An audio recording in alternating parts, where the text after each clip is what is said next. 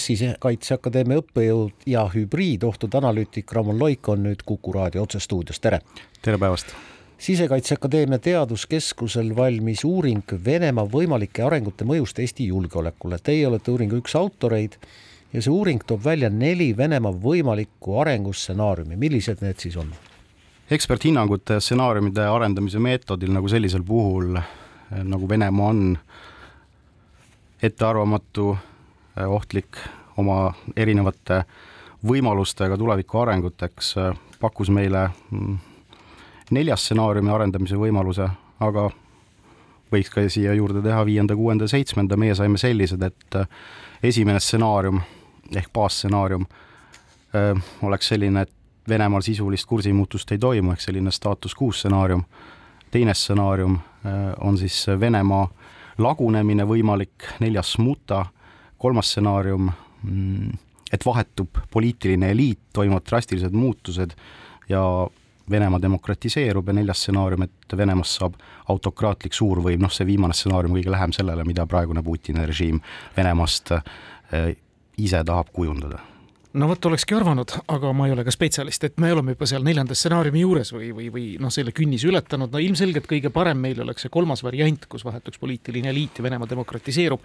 ehkki seda on küll, on väga raske ette näha, arvestades nii-öelda kogu seda mentaliteeti. jah, tõepoolest, me pidasime seda äh, ise ka kõige vähem tõenäolisemaks ja äh, siinkohal võib-olla paslik meenutada sellist ütelust, et Venemaal midagi muutuks, kas või siis mingis kaugemas tulevikus demokratiseerumise suunas, selleks peaks minema ilmselt veel väga palju halvemaks, nii et kui me nii-öelda omas peas neid järjekorda panime, arutasime erinevaid stsenaariume, siis ähm, ja, ja ka eilsel esitlusel ähm, pidasime võib-olla tõenäolisemaks seda, et, et toimub selline drastiline muutus lagunemise näol ja peale seda siis mis järele jääb, seda võiks siis äh, kuidagimoodi hoomata võimaliku stsenaariumina ka demokratiseerumisena, jah, aga pidasime seda väga vähe tõenäoliseks, aga sellisel äh, stsenaariumide ehitamise meetodil vaadatakse erinevaid võimalusi, ka selliseid väga vähe tõenäolisi.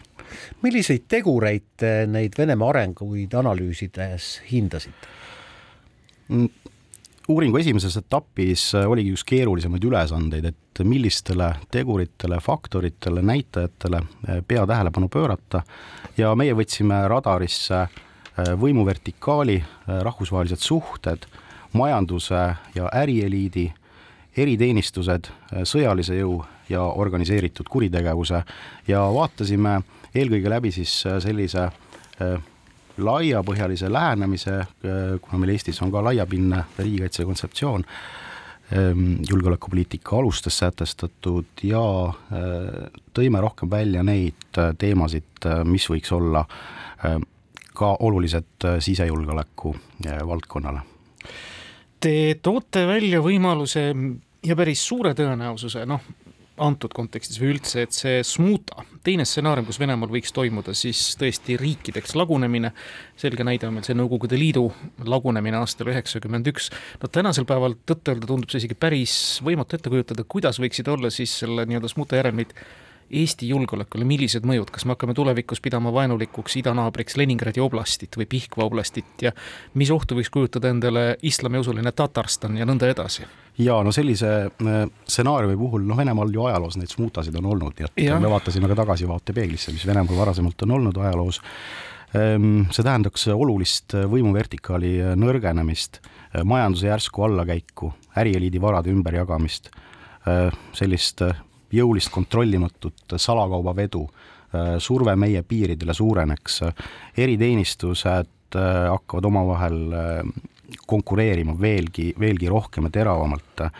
sõjalise jõu ajutine vähenemine toimub, sellised lagunemise meeleolud ja mm, see tähendab seda, et kogu olukord muutub väga ebastabiilseks meie jaoks ja, ja toimub selline ka siis sellest lagunevast impeeriumist, mida praegu äh, üritatakse äh, siis ehitada äh,, erinevad sellised noh, kuidas öelda, väljasulamise protsessid ka organiseeritud kuritegevuse intensiivistumise näol Venemaa organiseeritud kuritegevus on tihedalt põimunud äh, valitseva eliidiga, ka siis kohtadel või, või lausa pealinnas ilmselt ka. Äh, kas neil on endiselt mingisugune tegevusväli või mõju ka Euroopas või lääneriikides või siin Eestis? On küll ja mm, me oleme seisukohal, et äh, organiseeritud kuritegevus on osa tegelikult Venemaa tänasest võimuvertikaalist. nii-öelda nendel organiseeritud kuritegelikel grupeeringutel, kes on siis äh, võimulojaalsed, mis on koondunud äh, president Putini ümber, äh, nendel lastakse tegutseda ja nad on läbi põimunud ka eriteenistuste tegevusest. läbi, läbi sellise organiseeritud kuritegevuse on juba tegelikult pikemat perioodi, see on olnud ka Putini režiimi strateegia, on ju üritatud ja, ja vahest ka õnnestunud, toome siin neid Schröderi näol näiteks korrumpeerida lääne poliitilist eliiti. nüüd äh, seoses äh, Venemaale kehtestatud äh, sanktsioonidega on intensiivistunud siis selline hall import ja vajadus smuugeldada siis lääne kõrgtehnoloogiat Venemaale. Venemaa on lääne kõrgtehnoloogiast äh, endiselt väga sõltuvuses, on siis need kiibid, erinevad äh, seadmed, äh, masinad, nii edasi, ja eriteenistused siis muidugi riigi tellimusel läbi organiseeritud kuritegevuse oma nii-öelda siis kõrvu üritades varjata, toimetavad väga aktiivselt sanktsioonidest kõrvale hiilimise Ähm, väljal, nii et see on üks väga oluline valdkond, kuhu ka Eesti äh, sisejulgeolekul äh, tuleb suunata jätkuvalt ilmselt pikaajaliselt suurt tähelepanu ja sinna on vaja lisaressurssi ka suunata.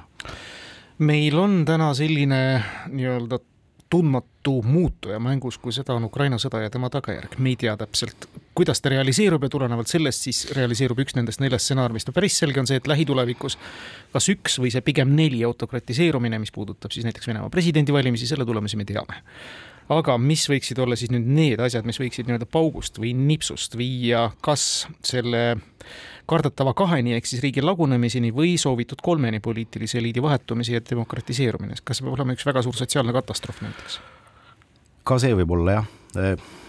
praegu me ei näe selliseid väga tõsiseid märke võimuvertikaali olulisest lagunemisest. Ka need äh, presidendivalimised tuleb tegelikult tugevasse äh, jutumärkidesse panna, et noh, sisuliselt on tegemist ju äh, Putini tagasivalimise rituaaliga kuid Venemaal ajaloos äh, on juhtunud äh, asju ka nii-öelda kiiresti ja ootamatult. Ähm, nii et äh, selline mm, Ukraina ebaedu ikkagi Venemaa poolt vaadates on saatnud neid seal ebaedu, nad ei ole nii-öelda oma püstitatud algseid eesmärke senini täitnud, kui ikkagi Ukraina rindel hakkab Venemaal väga kehvasti minema, siis võivad need muutused ka toimuda kiiresti, nii et me ei välista seda.